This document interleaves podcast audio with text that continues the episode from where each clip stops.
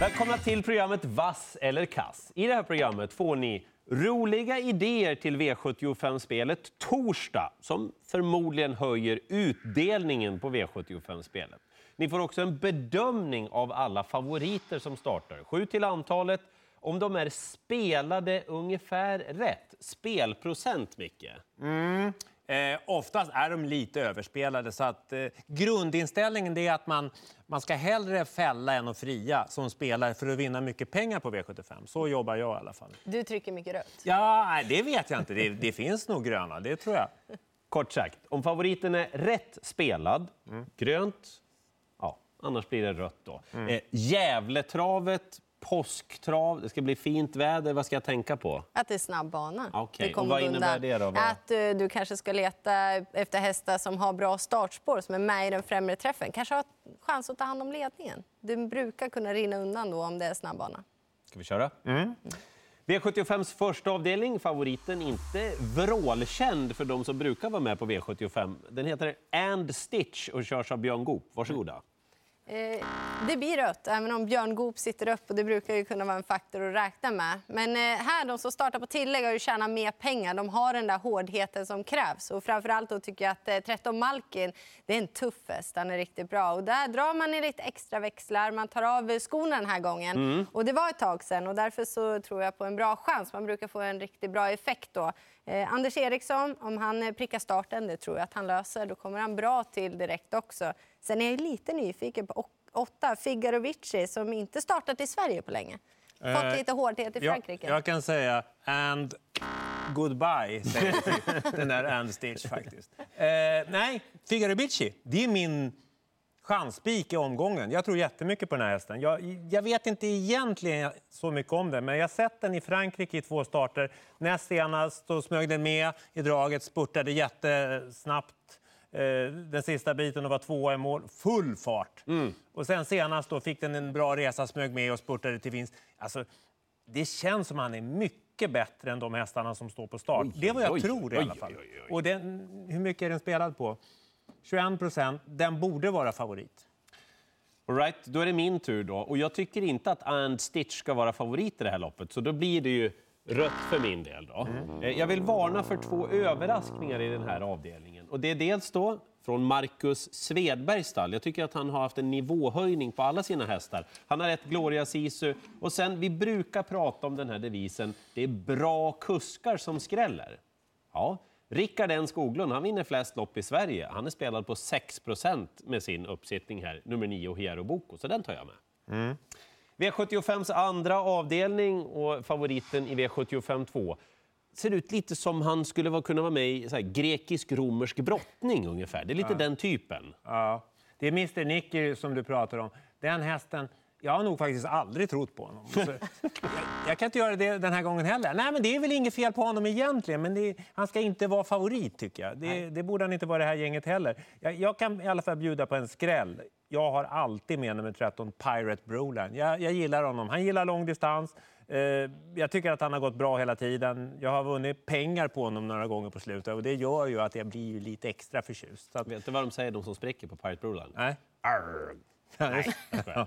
Nej, men han är bra på att skrälla. Ja, han, har är bra gjort på att skrälla och Marcus ju. Liljus eh, som kör har han funkat bra för. Så Verkligen. ta med honom. Ja, men, eh, favoriten, Mr Nicky, han var dålig senast. Han fick lite tuff inledningsvis, men han blev trött. Det är ingen bra favorit. Jag tror också att det kan bli en skräll, men då letar jag på åtta Win Night. Om ni såg honom senast, då förstår ni Han vad jag fast, menar. va? Ja, han såg eh, riktigt fin ut. Var rubbet sparat. Och när det är den här långa distansen, tre varv, det är bra att smyga med. Och om luckan nu kommer för Win Night, då kommer han flyga lågt på upploppet. Jag gör en specialare nu, får man göra det? Ja? Alltså, jag kommer att trycka grönt på favorit. På Mr Nicky? Därför att han ska nog vara spelad ungefär på den spelar. Därför att Björn Goop tränar och kör. Har ni sett Björn Goops hästar på slutet? De jo, går men som såg du. Mr Nicky senast? Ja, men han skulle ju inte starta hästen om det inte vore bra nu med Mr Nicky. Det är det här ungefär han ska vara spelad på. Jag tror han kommer att sjunka i spelprocent.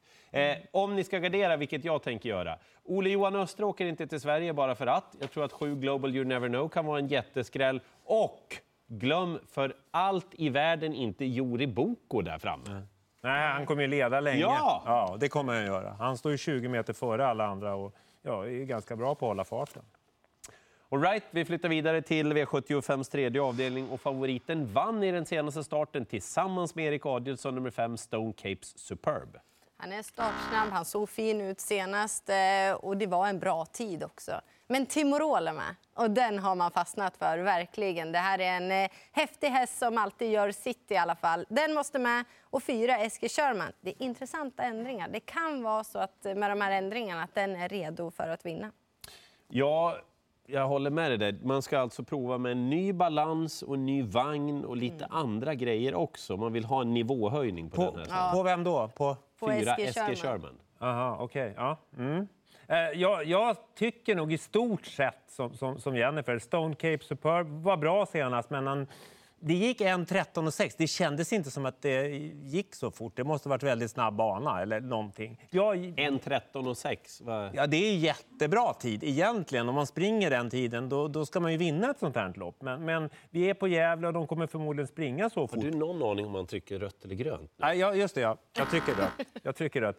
Timorol, Ålandshästen som är jättestark.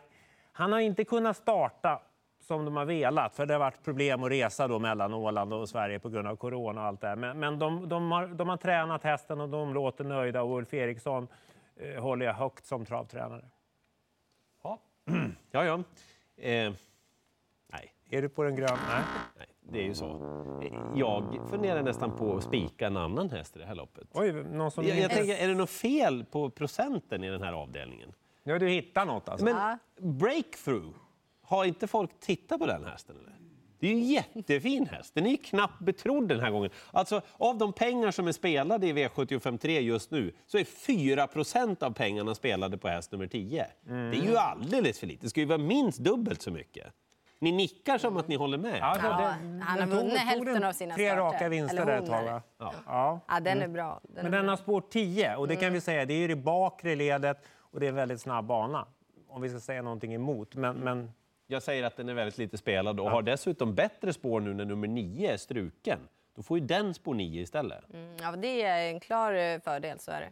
V75 eh, 4 och nu handlar det om våra kallblodiga vänner. Ni vet eh, Järvsö Fax och Borkrigel och Månprinsen, den kategorin av hästar. Boklirapp NO kommer från Norge men tränas i Sverige av Daniel Redén och Örjan Kihlström kör ja, det, det är en riktigt bra häst och den är säkert vältränad som alla Daniels hästar är när de kommer ut. Men han, han, han har känts lite besvärlig på något sätt. Jag litar inte på honom hundraprocentigt. Jag, jag, jag vågar inte säga så här att han kommer funka och han kommer vinna.